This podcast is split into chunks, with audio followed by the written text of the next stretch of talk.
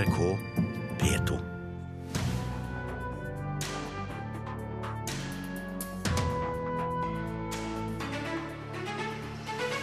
En norskspråklig låt har aldri nådd så høyt på svenske hitlister som denne.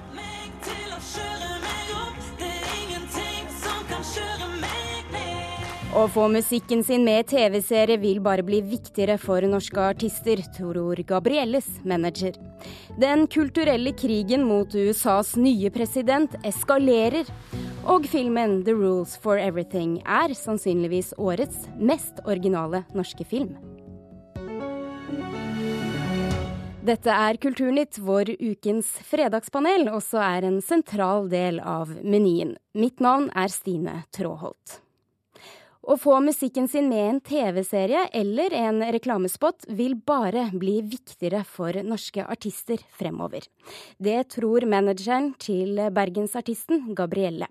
Gabrielle gjør som kjent braksuksess i Sverige om dagen, og det er kun takket være TV-serien Skam. Man kan ikke gå ut i Sverige på et dansegulv nå uten å høre 'Fem fine frøken' med Gabrielle.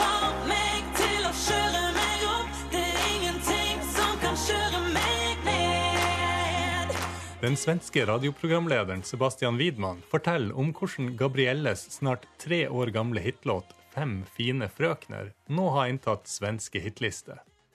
Den plutselige suksessen i øst skyldes i all hovedsak én ting. Det er jo takk være Skam som, at, som den er så stor som den er. Uten tvekan. Annars hadde vi nok ikke i Sverige eh, anammet den på samme sett. Send meg den derre du vet som får oss til å kjenne det brenne i hele vår kropp. Artisten sjøl var svært overraska over at Skam plutselig har gitt svenskene sans for bergensk elektropop. Så det at den låten har breaket meg i Sverige nå, det er på en måte bare en sånn sinnssyk bonus som jeg ikke hadde tenkt på. Det, det kjennes godt. Jeg syns det er kult at norsk musikk kan breake i Sverige. For det, det skjer så altfor sjeldent. Faktisk har det aldri før skjedd at en norskspråklig låt har nådd så høyt på svenske hitlister, forteller Gabrielles manager Lars Hustoft. Han syns det var interessant å se hvor stor effekt det hadde å få en låt inn i en populær TV-serie. Det, det at en, en låt kan bare være med i en reklame eller en TV-serie eller noe sånt, kan få en sånn oppmerksomhet og feste seg sånn hos publikum, er interessant som fenomen. Man sitter og ser noe på Mac-en eller på TV-en, og etterpå så er man så engasjert av at man går og søker den opp på Spotify. Og for oss så føles det som en sånn pedagogisk eh, undervisende reise i eh, hvordan verden fungerer, og at vi bare må ta inn over oss at ting fungerer på en annen måte i dag. Og vi må gripe fatt i alle små muligheter vi har, og så bare fyre på og hjelpe til og dytte ting fram på den måten. Du får meg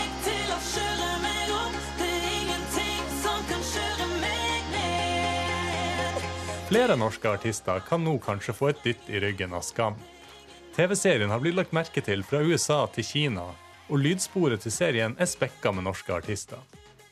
Men foreløpig er det for tidlig å snakke om en global skameffekt, sier Erlend Buflaten i eksportorganisasjonen Music Norway.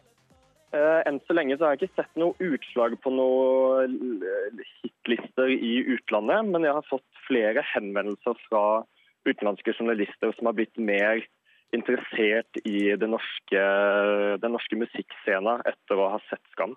Buflaten trekker frem Lemetre og Aurora som to artister som har hatt stort utbytte av å bli spilt i store reklamekampanjer internasjonalt. Han tror strømmetjenester og mobilapper som Shazam, som gjenkjenner musikk, gjør terskelen svært lav for å oppdage nye artister i forbifarta. For mange nå så hører de en låt som de liker, og så shazammer de den. Og det går rett inn på deres egne personlige spillelister. Så det kan ha en veldig veldig stor betydning for hvordan eh, norsk, eh, gjør, norsk musikk gjør det internasjonalt. Men det trenger ikke nødvendigvis å bety noe.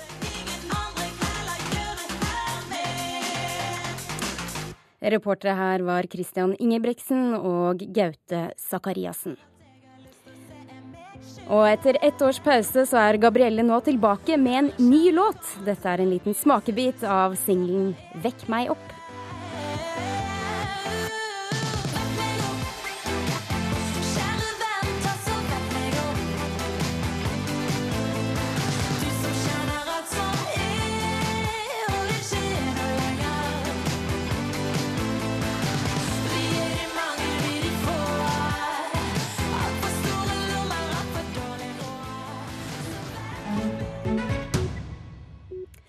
Den anerkjente amerikanske kunstneren Christo stopper et lenge planlagt gigantkunstverk i protest mot USAs nye president. Ifølge New York Times er det nå full krig mellom kunsteliten og presidenten. Og allerede på innsettelsesdagen så ble motstanden tydelig, da stjernelaget av artister takket nei til å opptre.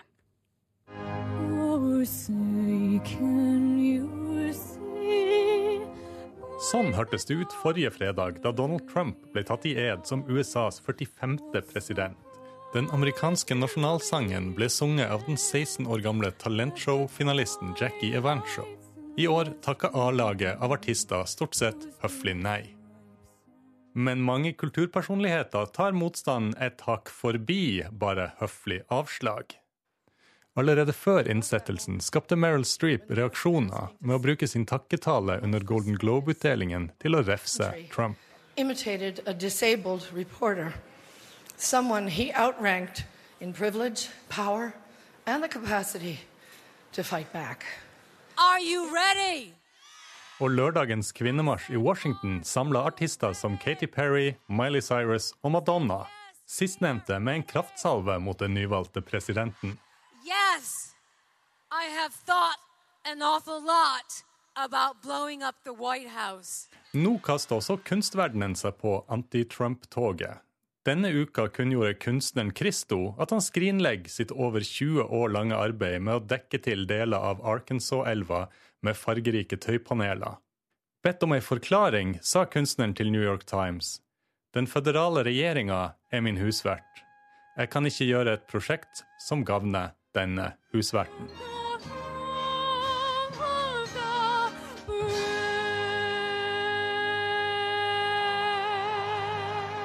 Reporter Gaute Sakariassen.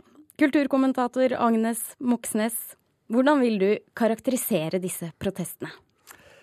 Eh, Det vi ser nå, det er at eh, mens protestene som vi leste om og fikk se om her i, Norge tidligere, kom fra musikk- og filmmiljøet, så sprer det seg nå til de kulturelle superstjernene også innenfor andre sjangere, altså litteratur eh, og billedkunst, som vi hører om her. Og, og nå er jo Christo Han topper jo liksom både i, i størrelse på kunstverket og hva det kostet. Når han nå trekker det, så er det liksom den den største eh, kunstneriske protesten eh, som er kommet mot, mot Trump. Men, men det vi ser, er jo at flere og flere av dem kommer på banen av amerikanske kunstnere. Ja, og hvorfor kommer de etter nå? Dette er jo en protest som vi hørte her også har pågått veldig lenge. Eh, Trump likte selvfølgelig veldig dårlig at veldig mange toppentertainere sa nei til å være med på innsettelsen av ham. Eh, Det synliggjorde situasjonen veldig. Men det som er spesielt nå, det er at liksom kulturlivets og kunstnernes kamp mot Trump fortsetter å eskalere. Og flere amerikanske kommentatorer de påpeker at det er ikke noen amerikansk eh, president, iallfall ikke i moderne tid, verken fra republikanerne, demokratene, som er eh, blitt møtt med en slik krigserklæring fra, fra kunst- og kulturlivet. Men har det egentlig noen betydning? Ja, Det har jo selvfølgelig det, selv om Trump sier det motsatte. Eh, Det er med på å forsterke motsetningene i USA, og en del av de navngitte kunstnerne som protesterer nå, det er liksom ikke losslitte radikalere av noen fattige kunstnere. Det er folk som er dypt involvert og respektert i det etablerte USA. Meryl Streep er jo et veldig godt eksempel på det. Så det å være superstjerne i USA nå, det er faktisk i ferd med å bli en politisk posisjon.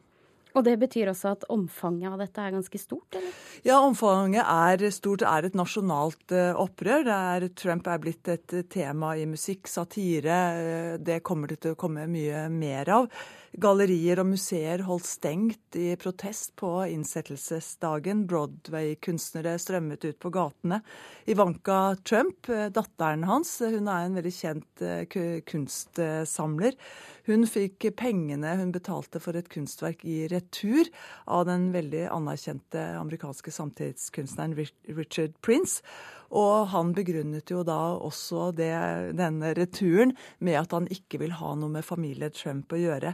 Så det å si nei til Trump er altså rett og slett nå blitt en politisk handling.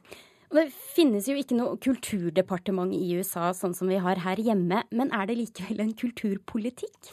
Ja, det, er, det går en del statlige, eller har gått en del statlige penger til, til kunstlivet og til uh, offentlig, altså public broadcasting bl.a.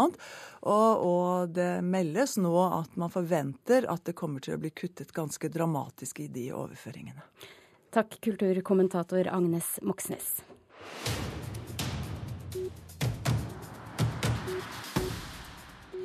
Kim Hjørtøy er kjent som både kunstner, forfatter, musiker og illustratør.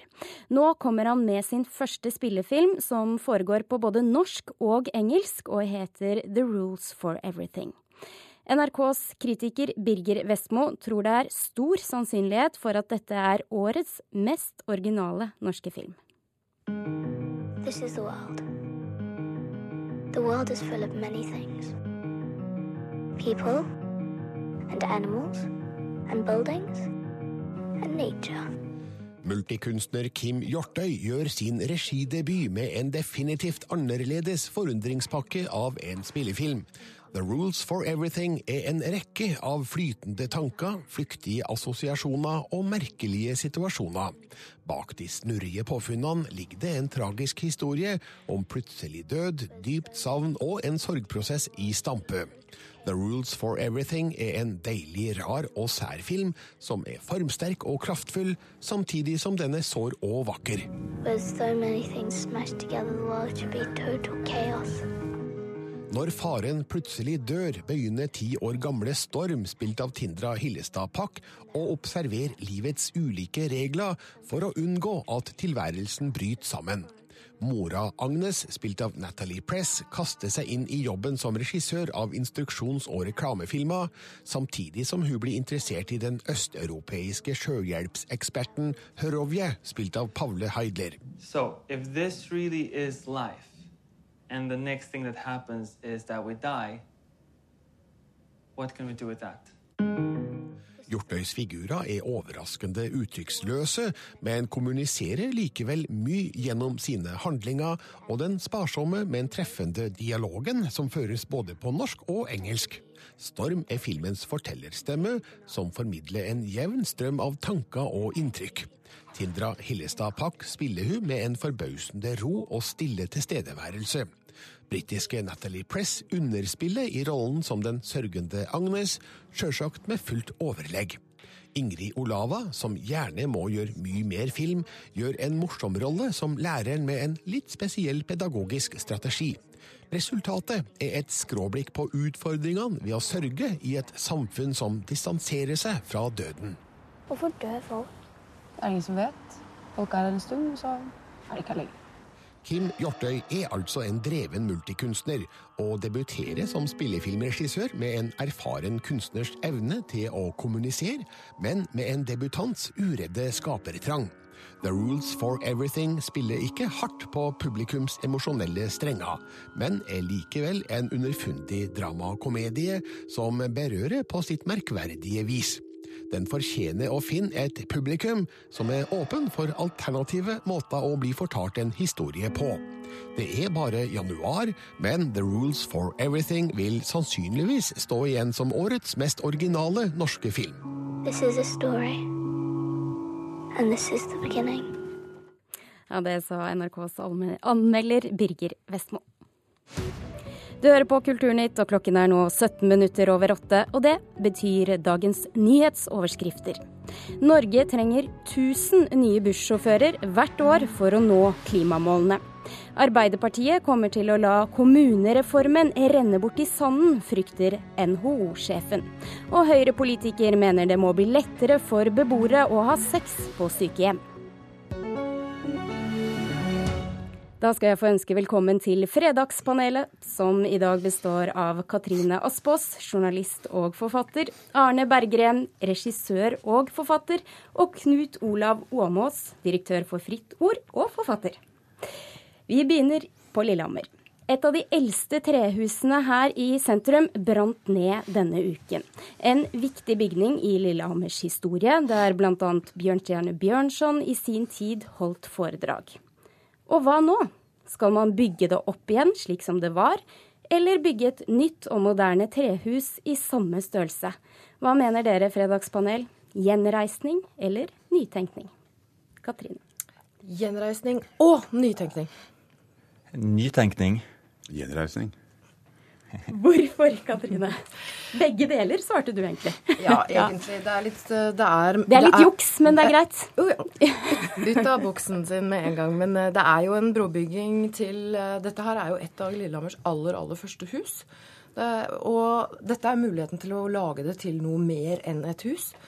Og, mm, så det må være mulig å få en arkitekt som er nytenkende og er i stand til å bygge bro mellom både helt på starten og framover. For er ikke du enig i det, Arne? Jo, altså egentlig er jeg enig i det, men, men jeg er så livredd norske arkitekter. Det er så mange mislykkede forsøk på, på nytenking. Eksempelvis? Ja, som all den lettbeinte brakkefunkisen som drysser over hele landet nå. Eh, så jeg er bare livredd. Men, men jeg tror på en måte avveiningen her så man kunne tenke seg noe nytt, nytenking som var i dialog med resten av trebebyggelsen der oppe. Eh, Men på den annen side, hvis man gjør en gjenreisning, så, så får man et viktig, viktig bidrag til eh, å friske opp gamle håndverkertradisjoner og, og tradisjonshåndverk. Det er også viktig. så Derfor lander jeg der. Nei, jeg rister litt på hodet. Det fins masse gode norske arkitekter, og, og huset er jo tapt. Eh, Så her bør man benytte muligheten til å, til å eh, lage en kontrast og, og skape noe nytt, f.eks. i treet midt i, i dette kvartalet. Og selvfølgelig skal det være tilpassa. Men hvis man reiser opp et hus igjen identisk og prøver å, å gjøre det akkurat slik som det er, kan man ikke da si at det er på en måte litt historieforfalskning? Jo, jo, absolutt. absolutt. Og man ser mange, mange dårlige eksempler på det også. Med det ligner bare, men det er dårligere gjort. Det er dårligere håndverk. Men, men det er akkurat det når, når jeg hører ordet kontrast her, så får jeg, får jeg angst. For det er det arkitekter driver altfor mye med. De skal lage den kontrasten og sette igjen et fotavtrykk etter seg selv. Og det, det er mange eksempler på at det er skrekkelig. også. Jeg tror ikke problemet med at det har blitt en del merkelige norske byggeprosjekter og byutvikling er arkitektene. Jeg tror det er feige kommunepolitikere som, eh, som eh, får til kompromisser som, eh, som ikke er verken det ene eller det andre. Jeg har sett så mange vellykka eksempler f.eks. i byen Wien, som er full av historie. Full av barokk, full av gotikk. Og der har man noen av de mest slående arkitektoniske kontraster som får fram både det hypermoderne og det historiske. Det er nettopp akkurat det jeg tror er helt klart mulig. Jeg tror Men- vi kan få til eh, altså den brobyggingen mye, mye At det blir en spennende dynamikk, da. Så, så mm, her er det Ole Brumm-varianten. Nå Ja kjenner, takk. kjenner jeg livredd allerede. Vi får vente Du er så lettskremt, Arne. Ja, det kan lett gå galt. Ja, det kan. Vi får vente og se. Vi hopper til medieinteressen for Johaug-saken. Den er enorm, og det både i Norge og Sverige. Men Dagbladets sportskommentator mener at svenskenes mediedekning har vært overfladisk, tendensiøs og gjort mot bedre vitende. Svenskene kontrer med at norske journalister kanskje bør være litt mer kritiske. Har norske medier vært for snille mot eh, Johaug, Arne Berggren? Nei. Knut Olav? Nei, jeg tror ikke det. Nei. Hvorfor ikke? Nei, altså dette er jo et kjempedrama. Hele, hele idretten er jo et eh, kjempedrama. Og dette er en fortsettelse av det dramaet.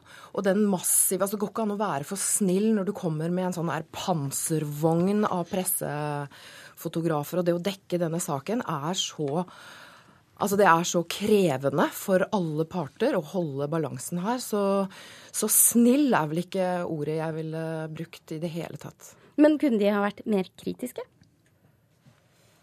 Ja, det, det er mulig. Det interessante i saken er jo for det første at den har fått seg enorme dimensjoner. Altså den er blitt en overdimensjonert mediesak, etter min mening. Altså eh, fusk i toppidretten. Og at til tross for det enorme apparatet som toppidrettsutøvere har rundt seg, så skjer en slik sak.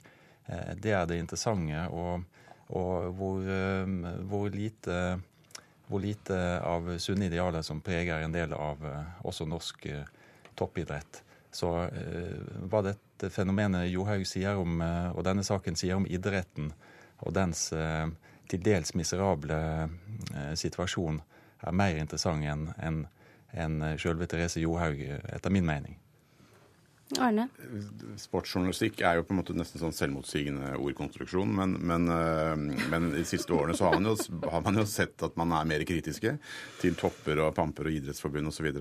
Uh, men jeg, jeg opplever vel nå er ikke nå er, jeg prøver å rive ut sportssiden eller hoppe over og klikke meg vekk fra det så fort jeg ser folk i sånne tights, men, men, uh, men uh, det er vel ikke tvil om at vi har vært litt sånn naive blåøyde og tenkt at våre gutter og jenter de doper seg ikke. Så akkurat på dopingsiden, de tilløpene som har vært på å være kritiske tidligere, de har vel blitt slått ned, eller folk har måttet slutte jobben og altså Vi har vel vært redde for å innrømme at de kan kanskje være litt uh, av samme gjengen som utlendingene. Ja, norske medier mm. tok jo på et veldig tidlig tidspunkt forklaringen hennes om en solbrent leppe, og det var derfor hun brukte denne kremen for god fisk? Ja, jeg elsker konspirasjoner. Jeg tror det er et eller annet vi ikke skjønner foreløpig. Det er en eller annen merkelig greie der. Og jeg opplever vel liksom sånn er merkelig at én mann skal ta hele skylda her i, uh, under krysspress. Under, uh, det, det, det, er en merkelig, merkelig sak. Det er veldig interessant det Arne sier der nå. fordi er klart, altså Igjen så er idretten et kjempedrama. Du er jo dramatiker, så det er klart du elsker konspirasjonsteori. Men, men det er jo nå altså det er jo snakk om Johaug og hennes stripe i lakken og masse sånne pussige uttrykk. altså Hvem er det som ikke har striper i lakken? Men hun er jo fortsatt hun er fortsatt heltinnen i dette dramaet her. Og spørsmålet er ikke om, om, om omdømmet hennes. Det skapes nå, det.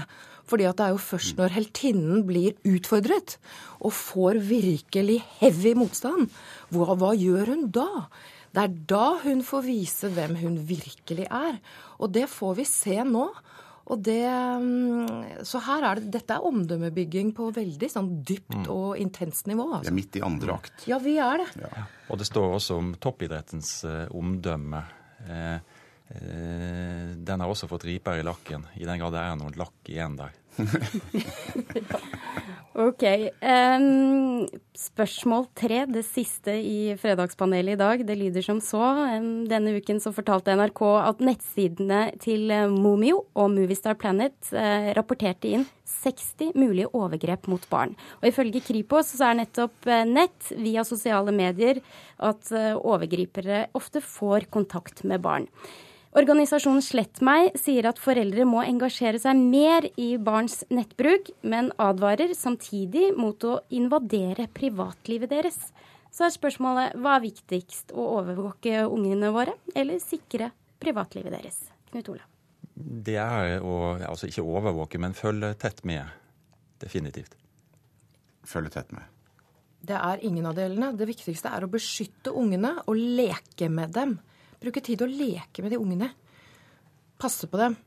Og ikke la de være ikke på nett? Overvåke. Nei, det er ikke snakk om å ikke la dem være på nett, men det er snakk om å være helt oppriktig interessert i hva de ungene gjør. Og for all del, hvis noe Altså, dette er jo, dette er jo barn som er utsatt for, for, uh, for en altså, alvorlig krenkelse.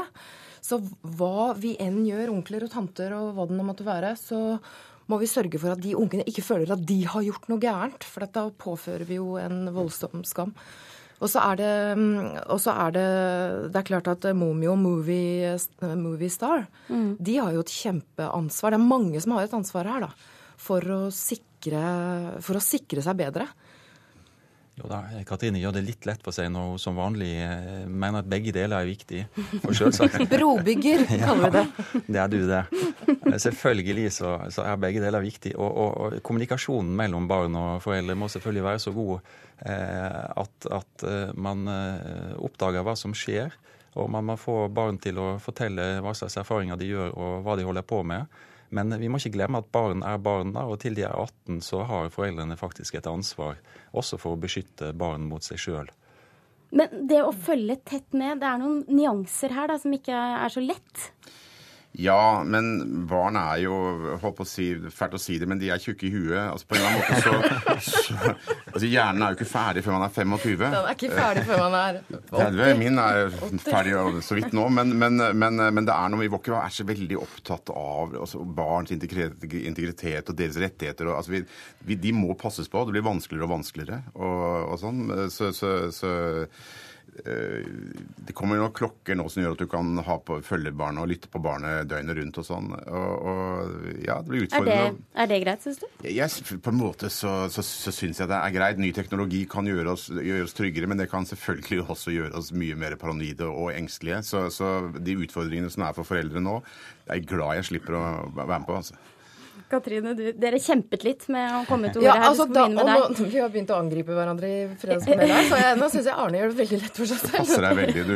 Når han, ja, når han sier at, eh, at eh, 'jeg er glad jeg slipper å være med på det'. Du er med på det, Arne. Alle vi er med på det.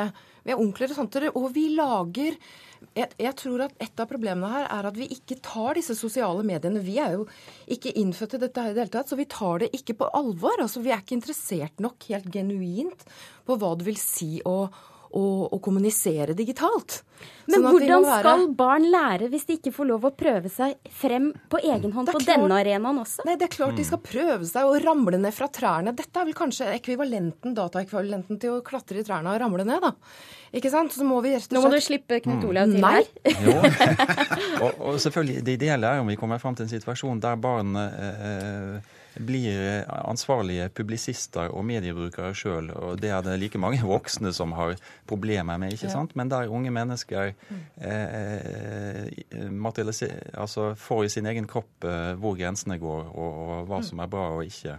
Og i sannhet det er like vanskelig for voksne mediebrukere som for eh, unge.